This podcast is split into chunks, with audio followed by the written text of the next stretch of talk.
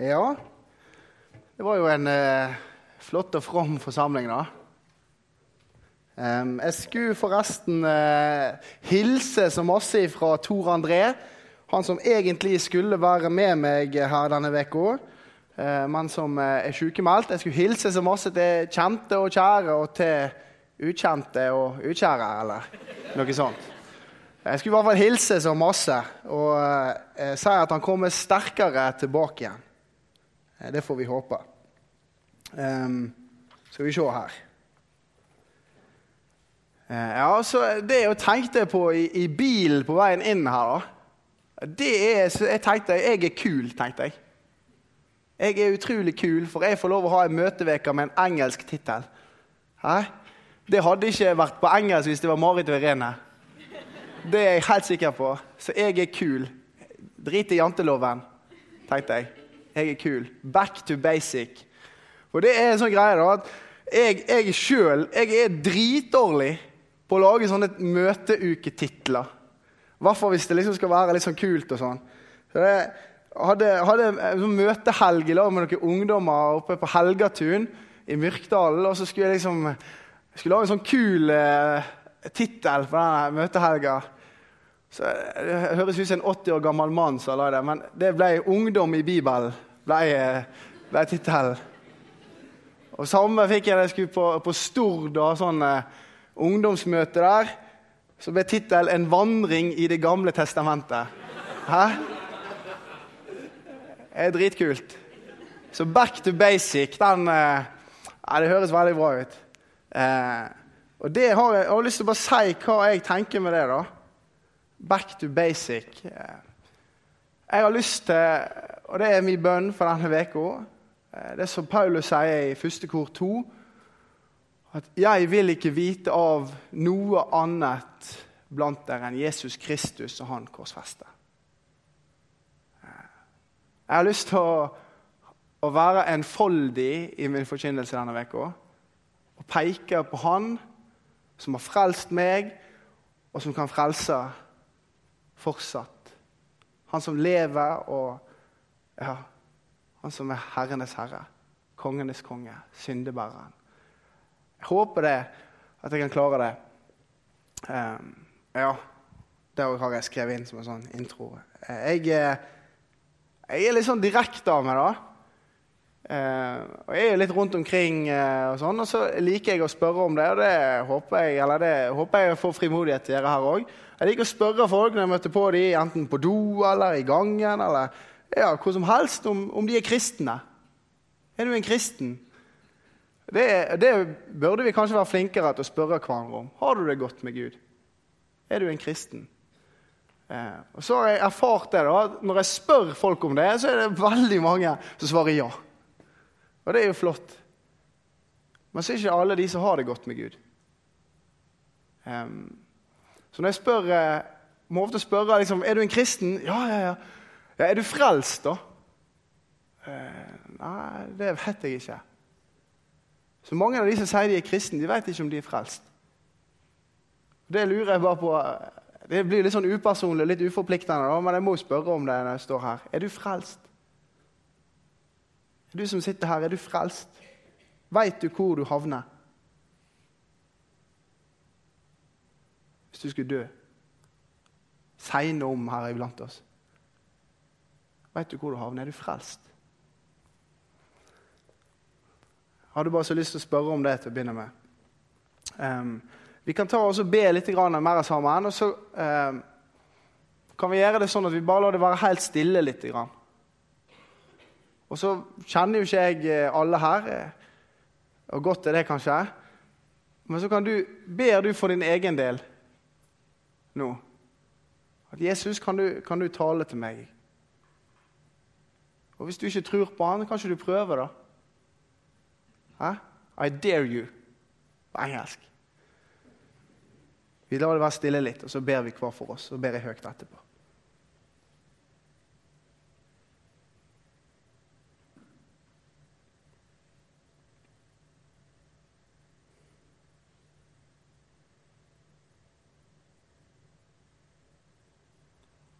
Kjære Herre Jesus.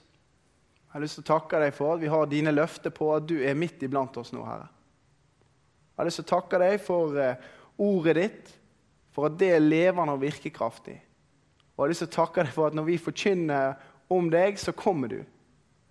La oss få erfare det, Herre. La hver og en her få se deg i kveld. Og du kommer den enkelte i møte, Jesus. Så må du ja, stille meg til side og tre fram, du, Herre. Må du hjelpe oss alle til å høre rett. I ditt navn. Amen. Eh, vi går til Lukas kapittel 10 og fra vers 25. Den barmhjertige samaritan. Så leser vi den sammen. Og det, er, det sier jeg alltid når jeg har møteveke eh, og jeg hører sånn blafring. Det er en fantastisk lyd. Det er utrolig kjekt at folk har med seg Bibelen. Så det har jeg lyst til å oppfordre til resten av møtene, da, hvis du eh, kommer hjem. Hva hende du ja, ikke likte han der raringen fra Ågotnes. Men eh, hvis du kommer igjen, så er det kjekt hvis du har med deg Bibelen. Vi leser sammen Lukas 10 fra vers 25 i Jesu navn. Da sto en lovkyndig fram og ville sette Jesus på prøve.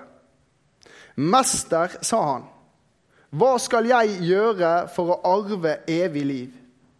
Hva står skrevet i loven, sa Jesus. Hvordan leser du? Han svarte, du skal elske Herren din Gud av hele ditt hjerte og av hele din sjel og av all din kraft og all din forstand, og din neste som deg selv. Da sa Jesus, 'Du svarte rett. Gjør det, så skal du leve.' Men han ville rettferdiggjøre seg selv og spurte Jesus, 'Hvem er så min neste?' Jesus tok dette opp og sa, 'En mann var på vei fra Jerusalem ned til Jeriko.' Da falt han i hendene på røvere. De rev klærne av ham skamslo ham og lot ham ligge der halvdød. Nå traff det seg slik at en prest kom samme vei. Han så ham, men gikk utenom og forbi. Det samme gjorde en levitt. Han kom, så mannen og gikk rett forbi. En samaritan som var på reise, kom også dit hvor han lå. Og da han fikk se ham, fikk han inderlig medfølelse med ham. Han gikk bort til ham, helte olje og vin på sårene hans og forbandt dem. Så løftet han mannen opp på eselet sitt og tok ham med til et herberge og pleiet ham. Neste morgen tok han fram to denarer, ga dem til verten og sa, sørg godt for ham, og må du legge ut mer, skal jeg betale deg når jeg kommer tilbake. Hvem av disse tre synes du nå viste seg som en neste for ham, som ble overfalt av røvere? Han svarte, den som viste barmhjertighet mot ham. Da sa Jesus, gå du og gjør som han. Um, her kommer det da en, en lovkyndig bort til han. En lovkyndig ja, det er På Ågotnes så vil vi sagt det er en som har roen på loven. Ja, det er en som kan loven veldig godt. Loven ikke, Vi må kanskje si noe sånn kort om det. da. Eh, loven, Guds bud, alt det Gud krever av meg og deg. Loven. Loven peker alltid på meg og deg. Det handler om meg og deg. Det vi skal gjøre, og det vi skal være. Det er loven. Her er en som kan eh, de fem Mosebøkene og loven veldig godt. Eh, og Han ville sette Jesus på prøve. Og Så spør han hvordan kan jeg arve evig liv. Ja, det er jo kanskje Hvordan blir jeg frelst? Ja, da kanskje du sitter og lurer på det nå. Hvordan blir jeg egentlig frelst? Jesus han... Eh, Jeg sier til han, hva er det som står skrevet i loven? Hvordan leser du? Og Da svarer han i vers 27. Du skal elske Herren din Gud av hele ditt hjerte og av hele din sjel og av all din kraft og all din forstand og din neste som deg selv. Ja, og her er det på en måte eh, Hva skal vi si eh, De her henger sammen. Nå. Hvis jeg elsker Gud av hele mitt hjerte, av all min kraft og hele meg, så vil jeg elske min neste som meg sjøl. Hvis jeg elsker min neste som meg sjøl, så er det fordi at jeg elsker Gud av, av hele meg. Dette blir kalt det dobbelte kjærlighetsbud. Um, vi, vi, kan ta en, eh, en sånn titt innom uh, Matteus 22. Um, og fra vers 34 eh, der. Da har Jesus vært i diskusjon med en sadukeer, og han har stoppa munnen på han, står det. Han vant diskusjonen. Og Da kommer det en fariseer, en, en lovkyndig, en lovlærd, bort til han her òg. Um, og ville igjen sette Jesus på prøve. Og Så spør han Jesus i vers 36, Matteus 22, 36. Mester, hvilke bud er det største i loven? Hva er det største budet i loven? får Jesus spørsmål om. Og Jesus svarer i vers 37.: Du skal elske Herren din Gud av hele ditt hjerte og av hele din sjel og av all din forstand. Dette er det største og første budet, men det andre er like stort. Du skal elske de neste som deg selv. På disse to budene hviler hele loven og profetene. Så her, når Jesus får spørsmålet, samme spørsmålet som den lovkyndige får i Lukas 10, så svarer Jesus det samme. Den lovkyndige som kommer til Jesus i Lukas 10, han svarer rett. Han svarer det samme som Jesus ville svart om han hadde fått spørsmålet. Det sier Jesus til ham òg. Du svarte rett. Og Så ligger det kanskje et stikk her eh, til oss. da. Det er jo mange der inne som, kan masse. Som kan svaret på masse. Jesus fortsetter å si 'gjør det'. Du svarte rett. Du kan det her oppe. Gjør det, så skal du leve. Gjør det. Handle ut. Lev, lev ut det som du kan. Det som du har oppi hodet ditt. Um, og Så sier Jesus at på disse budene hviler hele loven og profetene. Jeg skal forklare det. Um, ja. Det, for eksempel, hvis vi tar budet 'du skal ikke stjele', um, så er jo det, det er jo egentlig ganske overkommelig. ikke det? det kan jeg, jeg, kan liksom gå inn for det. Det skal jeg holde. Fra nå av så skal jeg ikke stjele. Det skal, jeg skulle gått ganske greit å holde det og latt være å stjele. Det kunne jeg gått inn for og så holdt sånn ytre sett. sant? Men Gud han ser ikke bare til det ytre. Han ser også til hjertet. Han ser til hva sinnelag som er bak. Men hva sinnelag er det jeg har latt være å stjele? Hvorfor har jeg latt være å stjele? Det hadde jo vært veldig kjipt hvis, det, hvis dere her ja, snakker bak ryggen min at 'Han er tyven'. Jeg har lyst til å være rettferdig, derfor stjeler jeg. Motivasjonen min er ikke fordi jeg elsker Gud av hele mitt hjerte, hele min sjel, all min kraft all min forstand. Men det er andre ting som blander seg inn. Og da har ikke jeg holdt det budet som står at du ikke skal stjele. Da har ikke jeg holdt det. Da har jeg brutt det òg. Vi kan ta, se i Matteus 5. Så eh, Da tar Jesus eksempel, eh, i Matteus 5 og 1, vers 21 så snakker Jesus om, om det budet som sier at du ikke skal slå i hjel. Nå, nå, kjenner jo ikke jeg alle her, men jeg regner med da, at det ikke er så veldig mange som har slått noen i hjel. Jeg vet ikke. Det kan jo være. Men regner med at ikke, altså majoriteten har sikkert klart å holde seg på matte på akkurat det området. der. Tror jeg. Ehm, du skal ikke slå i hjel. Matteus 5, 21. Jesus sier, 'Dere har hørt det sagt til forfedrene:" Du skal ikke slå i hjel. Den som slår i hjel, skal være skyldig for domstolen. Men jeg sier dere, den som blir sint på sin bror, skal være skyldig for domstolen. Og den som sier til sin bror, din idiot, skal være skyldig for det høye råd. Og den som sier din ugudelige narr, skal være skyldig til helvetes ild.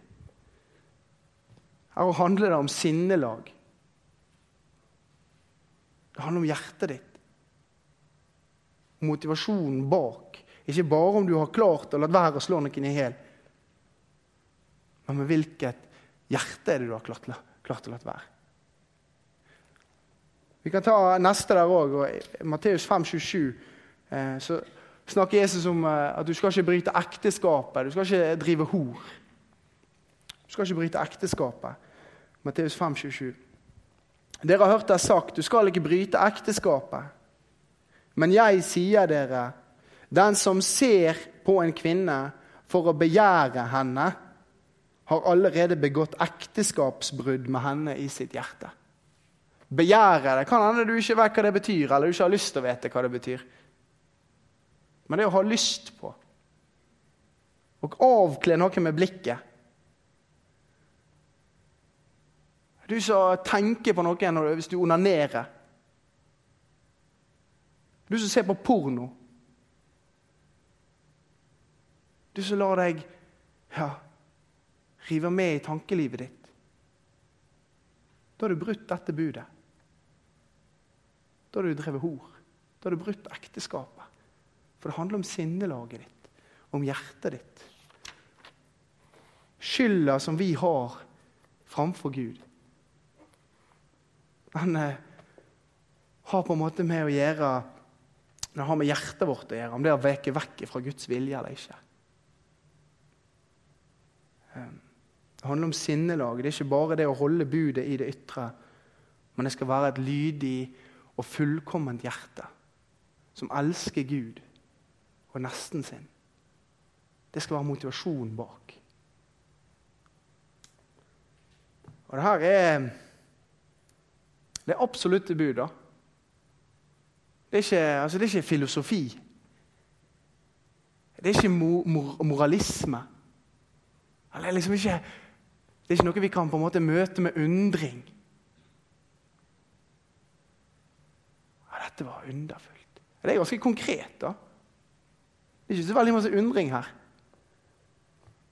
Um, det er Guds bud som gjelder meg og deg. Og så er det, jeg, jeg vet, Kan hende at det er bare jeg som er litt sånn skrudd eh, sammen rart. Men når jeg leser min bibel og kommer til liksom budene og det som handler om meg og sånn, så jeg vel, altså, gjør jeg det egentlig helt sånn ubevisst. Jeg vrir det over på naboen. Er ikke om du også sånn? Jeg, når jeg leser liksom Oi, heiene! Jeg, jeg håper virkelig at noen forteller naboen min om det her. Han lever jo åpenbart i strid med dette. Jeg får, jeg får be litt for han og håpe at noen kommer og, og viser han hva som står her. Men så, Det er personlig tiltale i disse budene. Det står 'du skal'. Det står ikke naboen din skal. Det, er til deg. Det handler om deg, om ditt liv. Naboen din han må svare for seg. Pass på deg sjøl, du. Det går ikke an å undre seg dette. Vi kan prøve, vi kan liksom prøve å vri og vende på det, men da lurer vi bare oss sjøl. Ingen andre. I møte med disse absolutte budene, hvis vi bruker dem som en målestokk på vårt liv og er ærlige i møte med dem, så har vi ingenting å stille opp med. Jeg har så lyst til å vri meg unna. Jeg har så lyst til å finne en eller annen åpning. Jeg har så lyst til å rettferdiggjøre meg sjøl på en eller annen måte. Det er ikke noe gøy å liksom gi opp og se at jeg er hjelpeløs. Så jeg, på en eller annen måte så har jeg lyst til det. Og da, da begynner vi ofte å, å, å, på en måte, Det kan ikke være sånn Gud mente det. Det der som du snakker om nå, Ruben, det er sånn ekstrem greie. Det er ikke sånn, det var ikke sånn. Det var liksom, det, det, det er nok det å, å, ikke bryte ekteskapet. Det er nok å ikke ha slått noen i hjel. Du må liksom kule han litt. Du blir for nærgående. Det blir sånn ekstrem kristendom. Så prøver vi på en eller annen måte å vri og vende på det, men det er jo ikke det. Vi har jo sitert Jesus sjøl.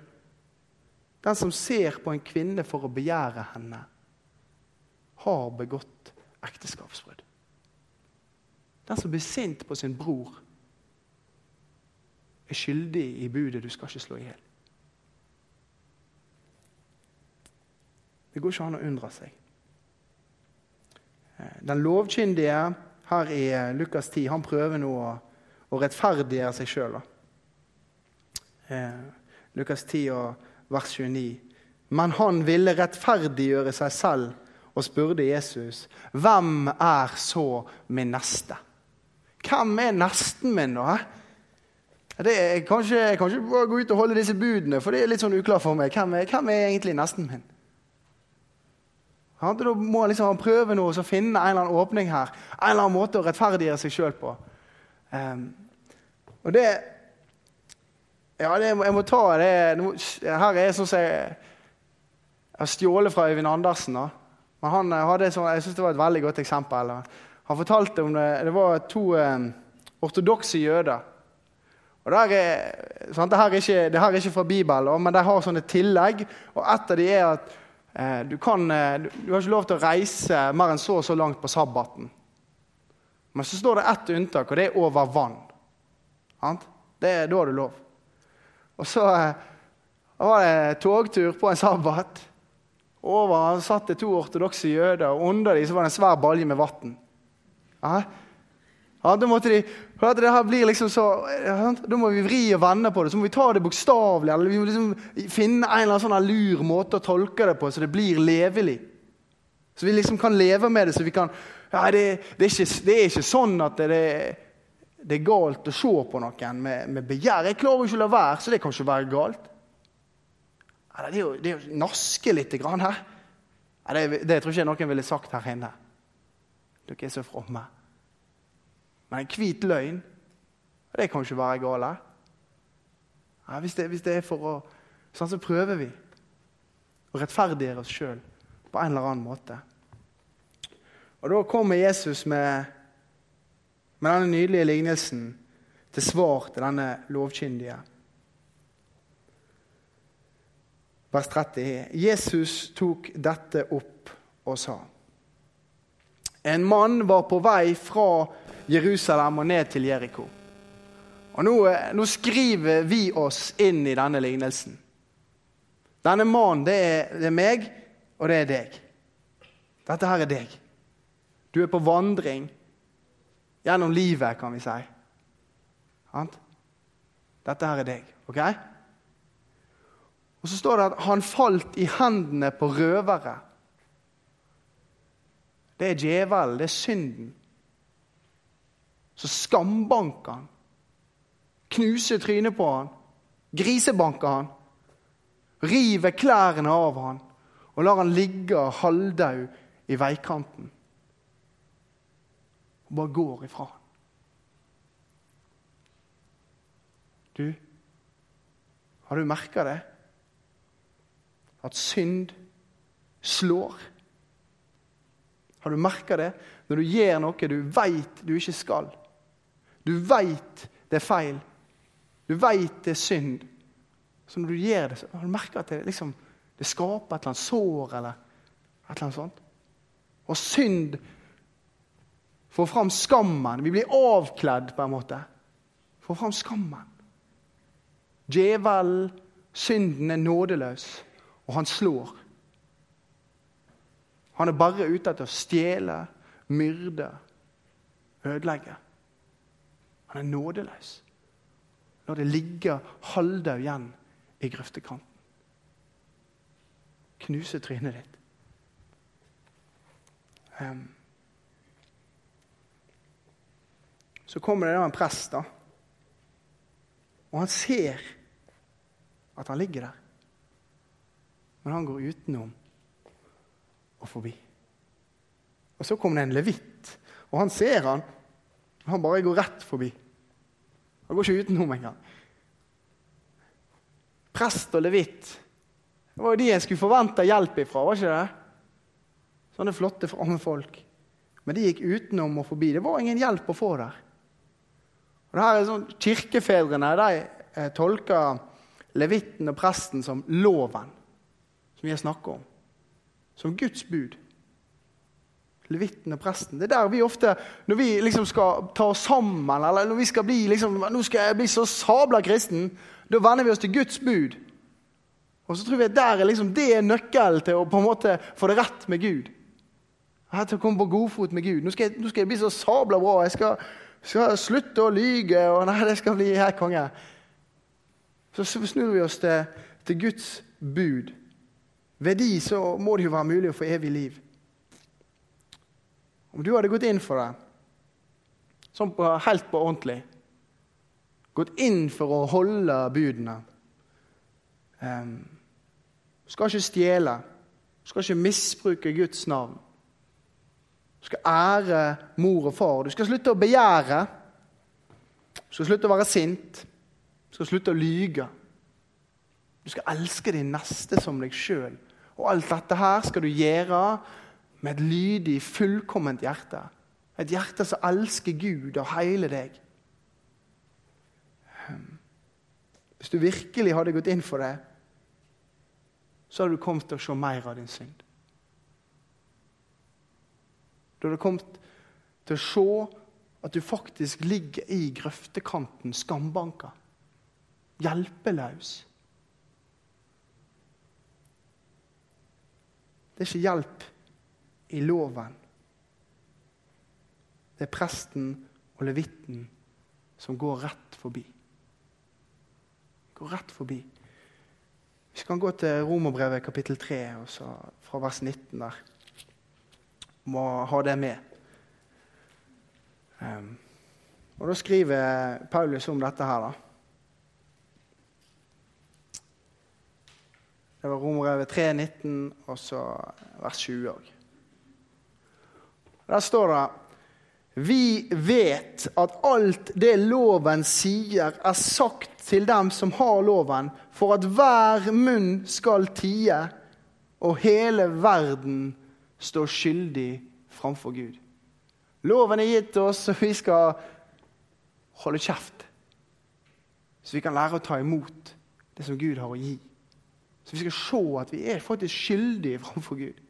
Vi har ingenting å komme med. For ikke noe menneske blir rettferdig for Gud på grunn av gjerninger som loven krever. Ved loven lærer vi synden å kjenne. Ved loven så lærer vi synden å kjenne. Da får vi se at det ikke handler ikke bare om, om på en måte ytre ting. sant? Bare om at, at jeg, jeg, ser at jeg er en løgner. Ja, da må jeg liksom jobbe litt med det og få det vekk. og så, da, da, begynner det liksom å bli bra. Men jeg ser at, at, det er faktisk bare et symptom. Dette lyget det er et symptom på et hjerte som er vendt vekk fra Gud. Det er et hjerte som vil ondt. Jeg lærer synden å kjenne. Og synden den sitter her, i bringa. Og så gir han seg utslag på forskjellige vis. Men hvis vi begynner å kjempe mot det ytre Du som er avhengig av porno Hvis du liksom begynner å kjempe mot det, så kan det gå, og det kan bli bedre. Men du får ikke rett med Gud. At du, du må se at du er sjuk. At hjertet ditt er sjukt. Du trenger en hjerteoperasjon. Du må til legen. Eh, og det jeg, var, jeg var hos legen i forrige uke, da. Det er ikke ofte, altså. Men jeg så et sånt program på, på NRK eh, om, om sånn her eh, Det var noen leger som var og pratet, og så var det menn de går aldri til legen. Og de fleste som kom, det var fordi at kona hadde sendt dem. Ja? Det er sikkert noe i det, men det fikk meg liksom litt ja, Det fikk liksom et spark bak, sånn at jeg kom meg av gårde til legen. For Jeg har en sånn greie med, med, beina mine. Det høres helt rart ut, men jeg fikk en diagnose på restless feet syndrome. Hæ? Jeg, jeg har sånn spre, sprellebein. Det fikk jeg en diagnose på. Jeg har hatt det i mange år nå. Og så har jeg tenkt at det er ikke så nøye. Det går sikkert over seg sjøl. Så skjønte jeg liksom at det, det, det, er ikke det. Jeg må til legen. Jeg må inn til legen. Jeg, jeg trenger hjelp. Og Sånn er det med synden òg. Vi kan liksom prøve å, liksom, å gjøre det liksom litt sånn mindre der og litt bedre der. og så... Det hjelper ikke. Du må til legen. Du trenger en hjerteoperasjon. Du trenger å få bytte ut det svarte hjertet ditt med et nytt hjerte. Som bare Jesus kan gi oss. Um. Og så um, vers 33 her, da. Um, da kommer det en samaritan. Det er jo helt eh, Det er crazy. En samaritan. Hæ? Det er en jøde. Ja, det er jo helt det er spinnvilt.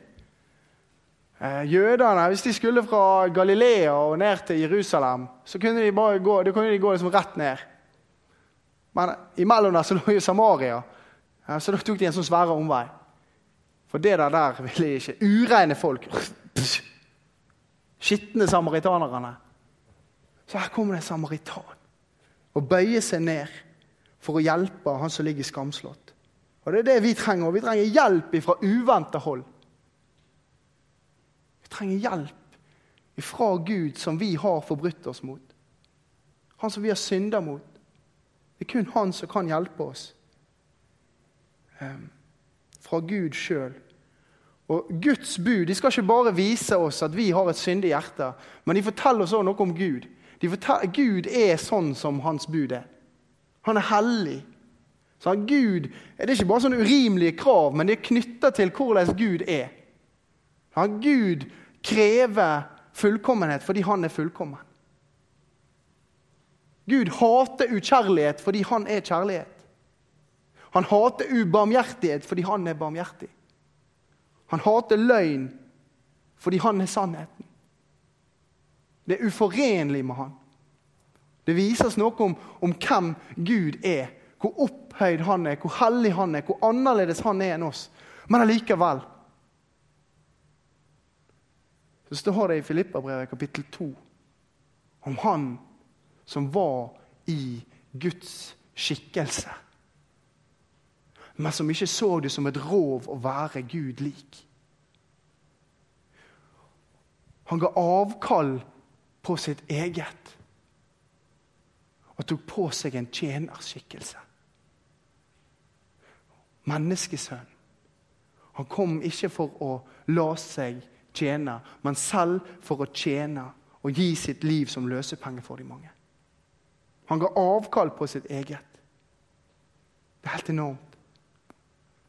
Han som var der oppe, ble tilbedt av serafer og engler. Hellig, hellig, hellig. Han steg ned som et menneske. Og da han sto frem som et menneske, så fornedra han seg sjøl og ble lydig til døden. Ja, døden på korset. For å kunne løfte opp det som ligger i grøftekantene. Det som er hjelpeløse pga. sin egen synd.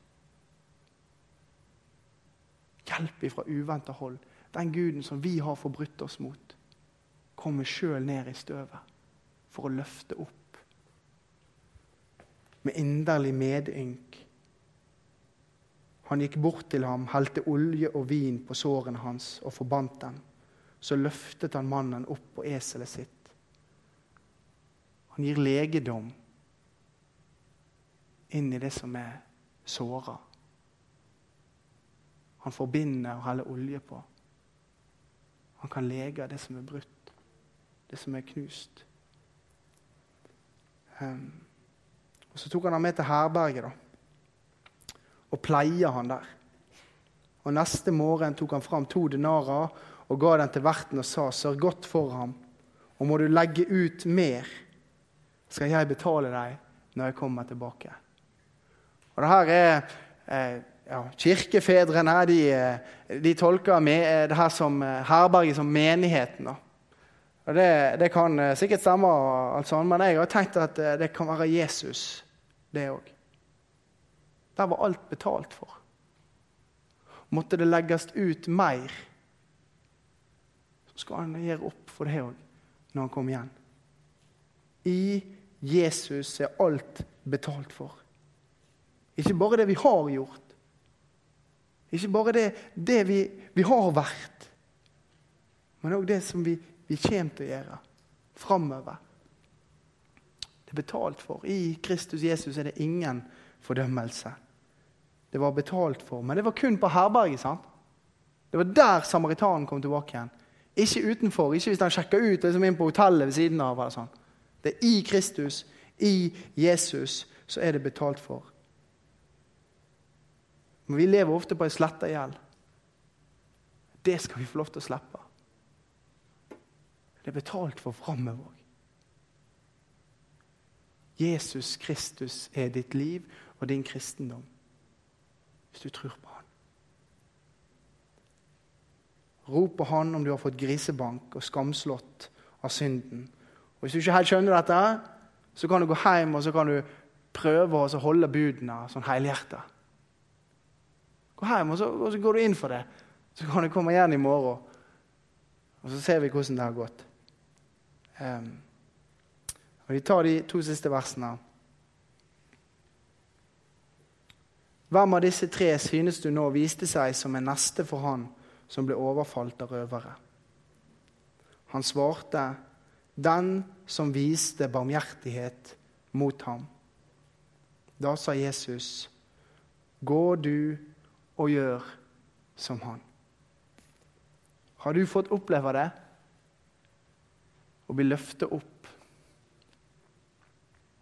Å bli rensa. Å bli tilgitt. Helt ufortjent.